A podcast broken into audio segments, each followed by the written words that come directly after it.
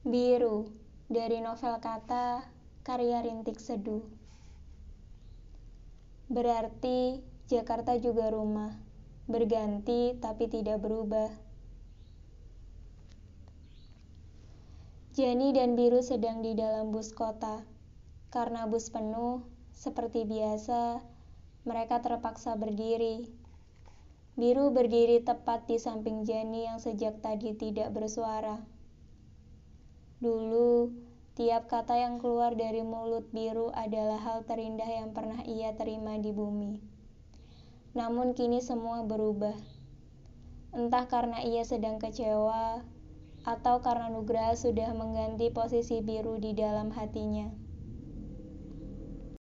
Suara klakson kendaraan yang tak berhenti saling berbalas justru tak terdengar di telinganya. Jani dia membisu. Untuk kesekian kalinya, tatapannya kosong. Pikirannya sedang berjalan entah ke mana. Keramaian justru menuntunnya pada kesunyian yang berujung pada ingatan masa lalu.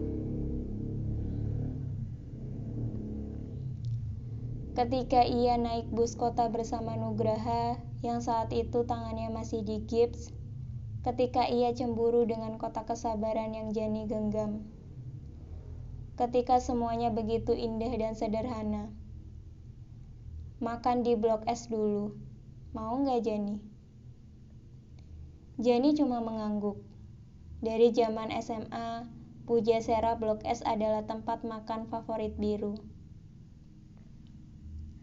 Selain karena banyak pilihan, di sana ada bakso kesukaan biru, setelah turun dari bus, mereka berjalan kaki karena tidak begitu jauh. Jani masih diam. Dulu aku tidak perlu bertanya kenapa karena segala hal tentangnya pasti aku tahu tanpa perlu ia beritahu. Tapi mengapa kini berbeda? Apa karena aku terlalu lama membuatnya menunggu? Apa karena penantian itu membuatnya menjadi Jani yang berbeda? Aku ingin sekali bertanya kenapa. Sungguh, tapi ada bagian dari diriku yang justru takut untuk mengetahui hal itu. Biru tiba-tiba membungkuk. Tali sepatumu, katanya. Ia membenarkan tali sepatu Jani yang terlepas. Sudah jadi mahasiswi tapi menali sepatu sendiri tidak bisa. Bisa, tapi lepas biru. Setelah mengikat tali sepatu Jenny dengan rapi dan memastikannya tidak akan terlepas lagi, Biru kembali berdiri. Sudah, sekarang tidak akan lepas lagi. Sekencang apa pun ikatannya, bila harus terlepas, pasti akan terlepas. Mengapa ia bisa mengeluarkan kalimat itu? Mengapa kini bahasanya seakan menyimpan teka-teki yang tak bisa ku selesaikan?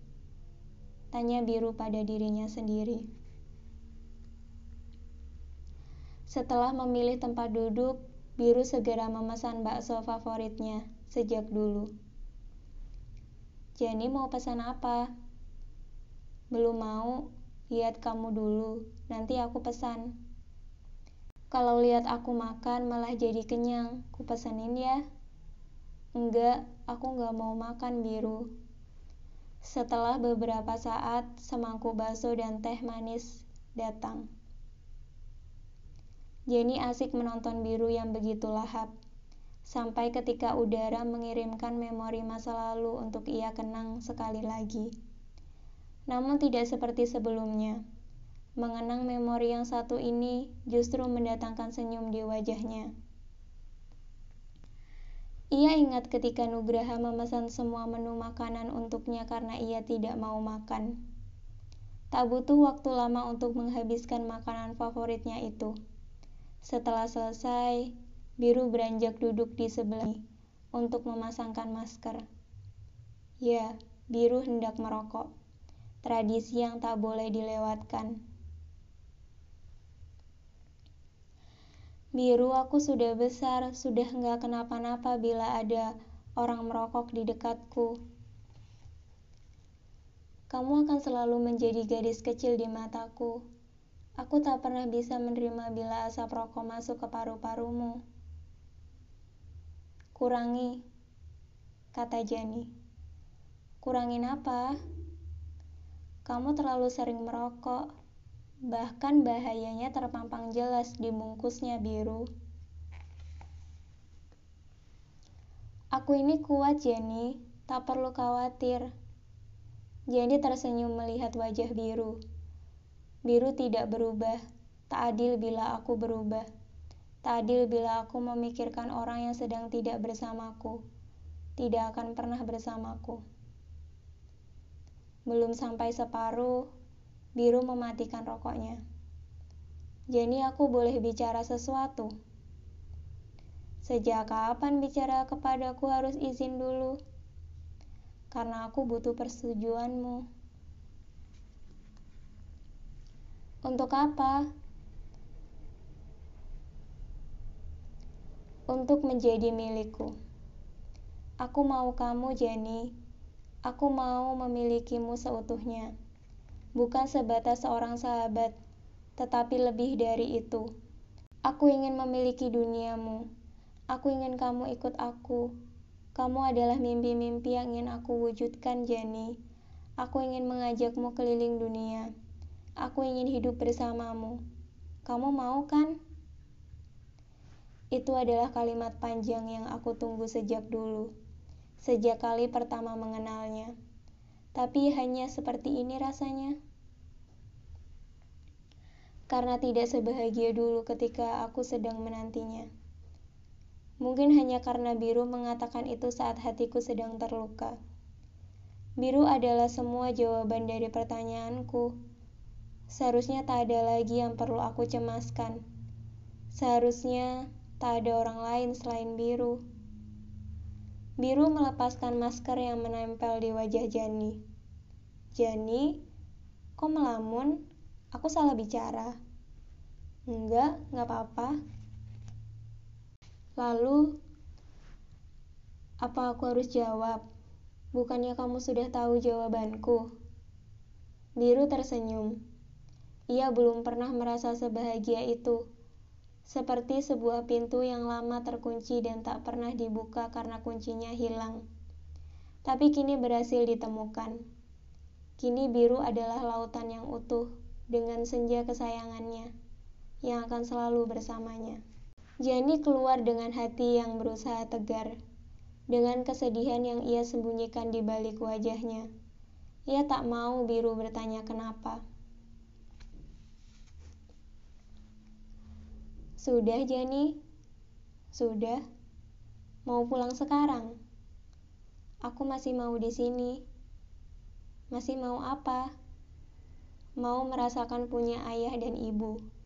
Biru tak mengira Jenny akan mengucapkan kata-kata itu, karena mereka sudah lama sekali tak membicarakan sesuatu yang berkaitan dengan sosok ayah dan ibu. Biru memilih untuk tak membicarakannya, membuat Jenny lupa karena ia tahu perbincangan tentang hal itu hanya membuatnya sedih. Makanya, sekarang ia kaget karena Jani membicarakannya. Ada apa, Jani? Sudah kuduga kamu akan bertanya kenapa.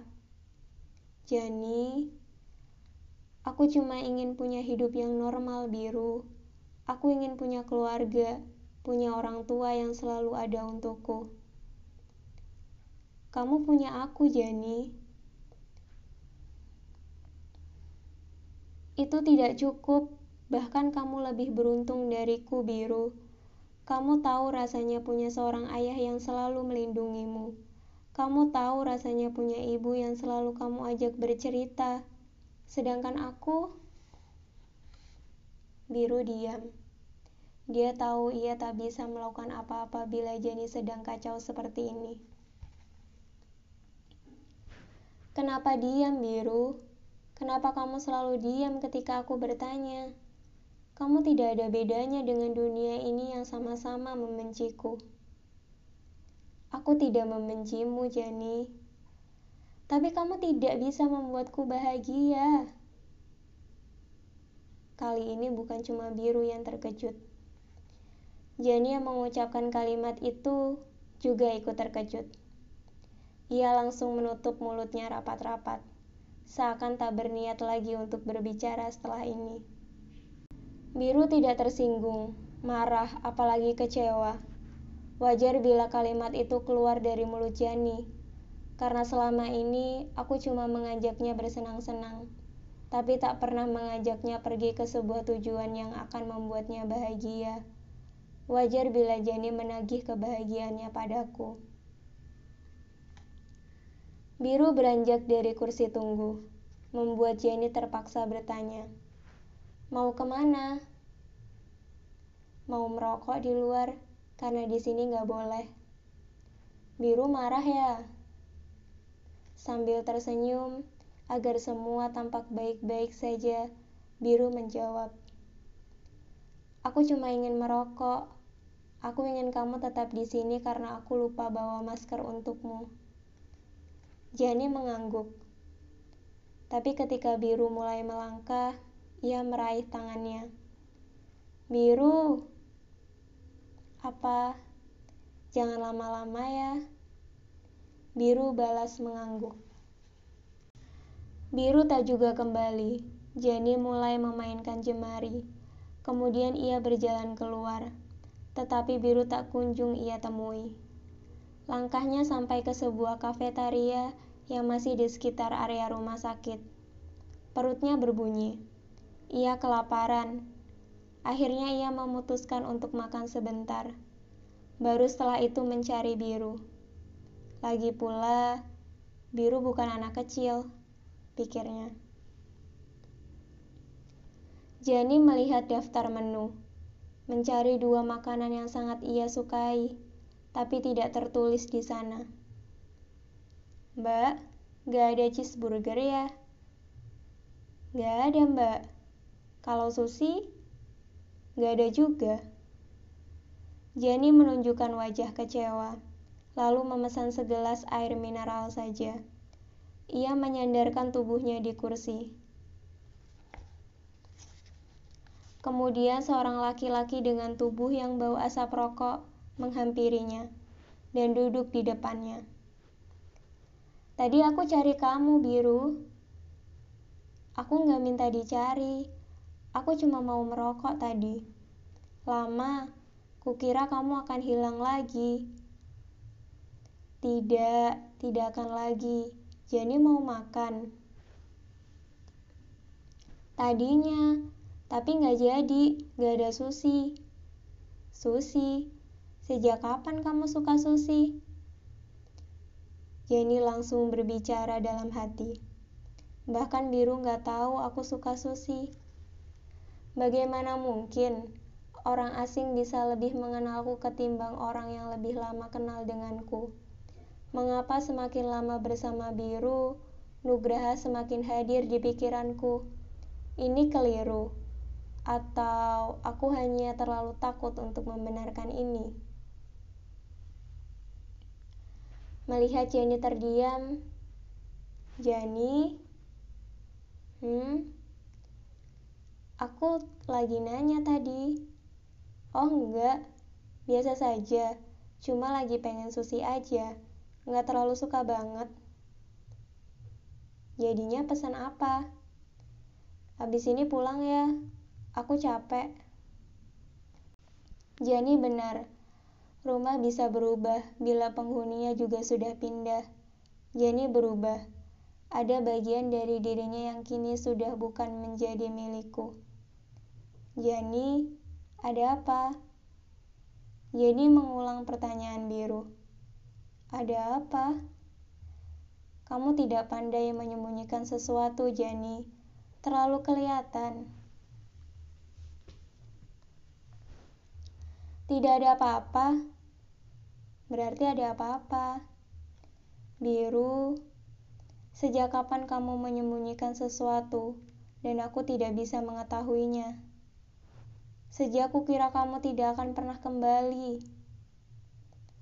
Tapi aku sudah kembali, Jenny. Aku ada di sini. Aku tidak akan pernah ke mana-mana lagi. Mungkin iya, untuk sekarang. Tapi apa jaminannya, Biru? Aku takut bila harus berharap lagi. Ikut aku. Ikut aku, Jenny, ke Banda Neira.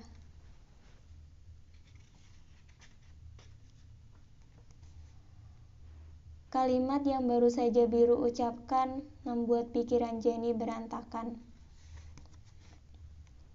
Ia bingung tidak karuan, bingung harus merespon Biru seperti apa. Bingung harus senang atau sedih, bingung harus bilang iya atau tidak. Bingung harus memilih Jakarta atau Banda Neira.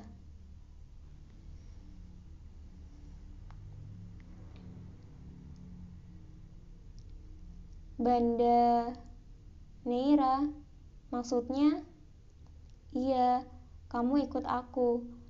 Aku ingin Banda Neira bukan sekedar liburan, tapi tujuan. Aku ingin Banda Neira bukan sekedar tempat singgah, tapi rumah. Dengan jaminan itu, kamu tahu aku tidak akan ke mana-mana lagi. Kamu bercanda, Biru. Tidak bisa sederhana seperti itu. Itu karena realita terlanjur memenjarakanmu dalam kerumitan, Jani. Terus di sana aku mau ngapain? Mama, Mama gimana? Tentu saja Mama ikut. Kita akan memikirkannya nanti.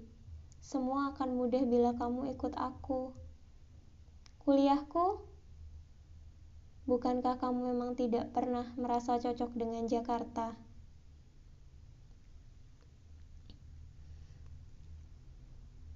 Biru benar. Mengapa harus sulit menjawab pertanyaannya barusan? Mengapa aku perlu pikir dua kali untuk diajaknya pergi meninggalkan kota ini? Bukankah selama ini itu yang aku inginkan? Ikut biru pergi, menghabiskan hari-hari bersamanya, dan meninggalkan kota ini. Mengapa aku tidak bisa untuk langsung mengiyakan tawarannya barusan? Apalagi yang harus kuharapkan dari kota ini? Mungkin ini adalah cara terbaik untuk menyembuhkan perasaanku, untuk memulai langkah baru, untuk menghilang dari segala hal yang menyakitiku, termasuk Nugraha. Jani, apa yang kau pikirkan? Apa yang membuatmu sulit menjawab pertanyaanku? Gak ada, gak ada apa-apa. Aku cuma kaget.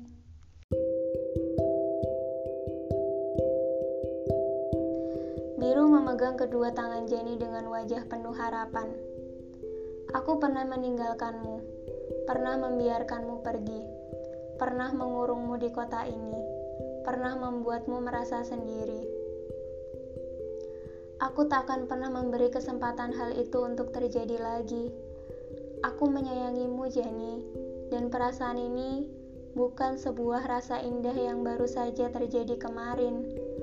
Aku menyayangimu sejak kita sama-sama menjadi manusia paling tidak sempurna di bumi. Dan perasaan ini lebih dalam dari sekedar seorang sahabat yang menyayangi sahabatnya. Kamu adalah perempuan pertama, satu-satunya yang kucintai, perempuan yang ingin kujadikan awal dan akhir bahagia. Aku ingin kamu, Jenny. Aku ingin kamu ikut aku, meraih mimpi, membangun planet biru berdua. Menjadi dua manusia paling beruntung karena saling dipertemukan. Seperti yang pernah kukatakan, Jenny, kamu adalah pelayaran terakhirku. Jenny segera memeluknya erat, kemudian berbisik, Aku ikut kamu, Biru akan selalu ikut kamu ke mana pun kamu pergi. Aku akan selalu sama kamu.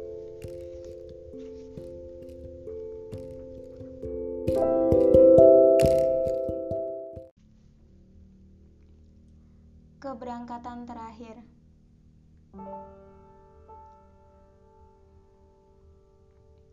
Sebelum masuk, petugas bandara mengecek tiket penumpang. Jani mengantre di belakang biru yang masih memegang sang mama di kursi rodanya. Giliran mereka tiba. Petugas memeriksa tiket dan wajahnya menunjukkan ada sesuatu yang tidak beres. Maaf mas, pengantar tidak bisa ikut masuk ke dalam. Jani yang mendengar segera memberi pembelaan. Pak, saya bukan pengantar, saya juga penumpang. Maaf mbak, tiket ini hanya untuk satu orang. Biru, kamu salah pesan tiket. Biru meminta si petugas untuk memegang Mama Binta. Sebentar ya, Pak. Setelah itu ia mendekat, berdiri persis di depan Jani, memegang kedua tangannya. Jani semakin sulit mengerti. Kenapa biru? Kenapa tiketnya cuma untuk kamu? Salah pesan? Enggak, enggak kenapa-napa. Tiketnya memang cuma satu, bukan karena aku salah pesan, tapi memang karena cuma aku yang akan berangkat. Jani kehabisan akal. Ia tak mampu merespon ucapan biru yang kacau. Tubuhnya lemas. Tapi entah mengapa hatinya merasa lega walau masih tidak percaya. Aku tidak bisa membawamu pergi, Jani. Tidak dengan langkahmu yang ragu tidak dengan hatimu yang sudah tidak bersamaku. Biru, kamu ngomong apa? Kamu tahu aku menyayangimu dan hal itu tidak perlu dipertanyakan lagi, kan? Ya, memang aku tahu. Aku tahu sekali. Tapi kamu juga tidak pandai berbohong, Jenny. Apalagi terhadapku. Kita sudah terlalu lama sama-sama terlalu mudah untukku menebak isi hatimu. Dan aku tahu, kini namaku tidak ada lagi di hatimu. Biru.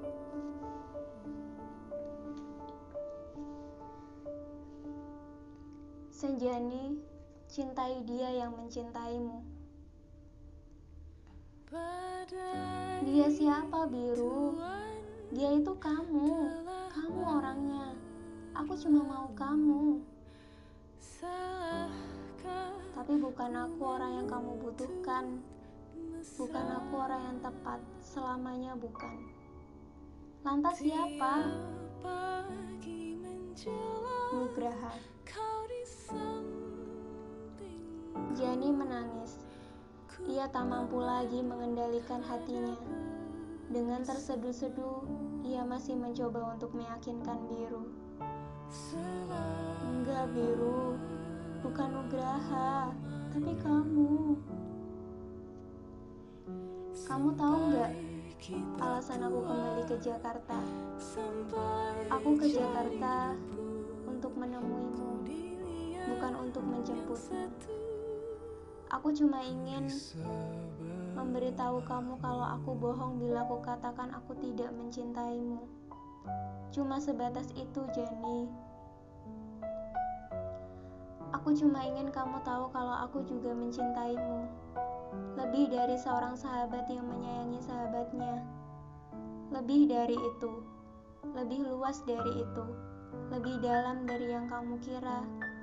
Tapi tak apa-apa bila ternyata ada orang lain yang lebih memenangkan hatimu. Apalagi orang itu adalah Nugraha. Seseorang yang aku tahu tidak akan menyakitimu. Jujur, Jenny, aku ingin kamu jujur dengan hatimu sendiri. Tangisan Jenny semakin deras. Deras karena pada akhirnya ia berani untuk jujur dan membiarkan perasaannya merasakan cinta yang ia inginkan. Tapi aku mau ikut kamu, Biru. Aku nggak mau di sini ucapnya lirih.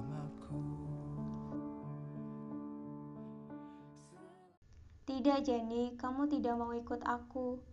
Kamu maunya di sini. Langkahmu terlalu ragu untuk kubawa pergi, dan tanpa kamu sadari, kota ini perlahan menguasai hatimu, memiliki perasaanmu untuk selamanya menetap di sini.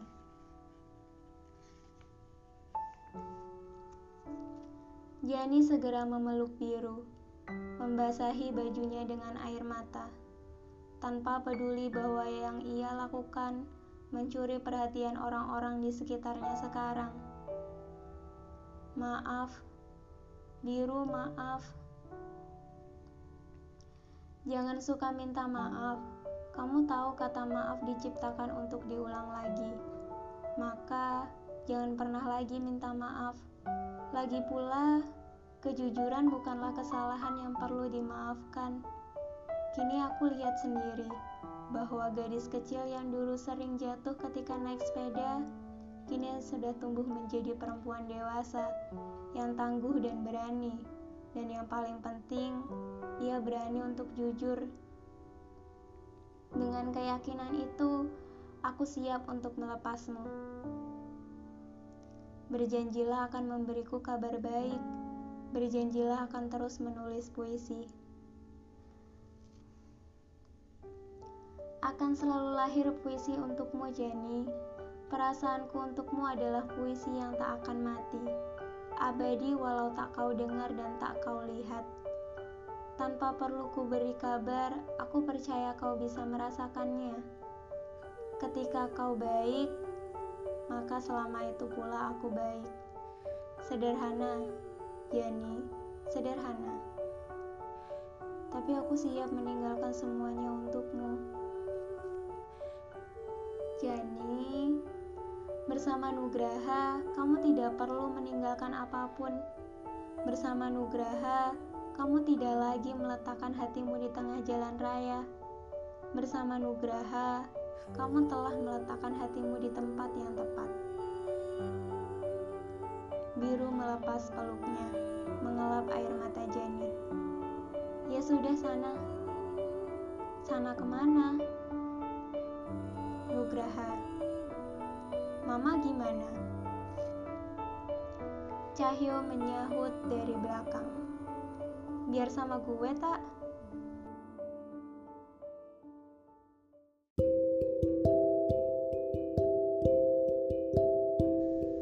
Binta menoleh, kemudian menatap biru sekali lagi yang membalas tatapannya dengan sebuah isyarat. Pergi. Senjani.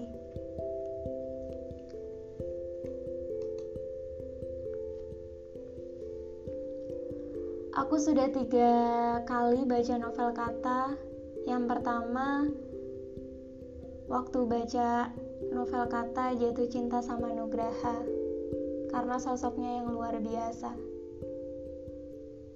Sama seperti baca yang di versi Wattpad yang belum diterbitin, jatuh cinta sama sosok Nugraha.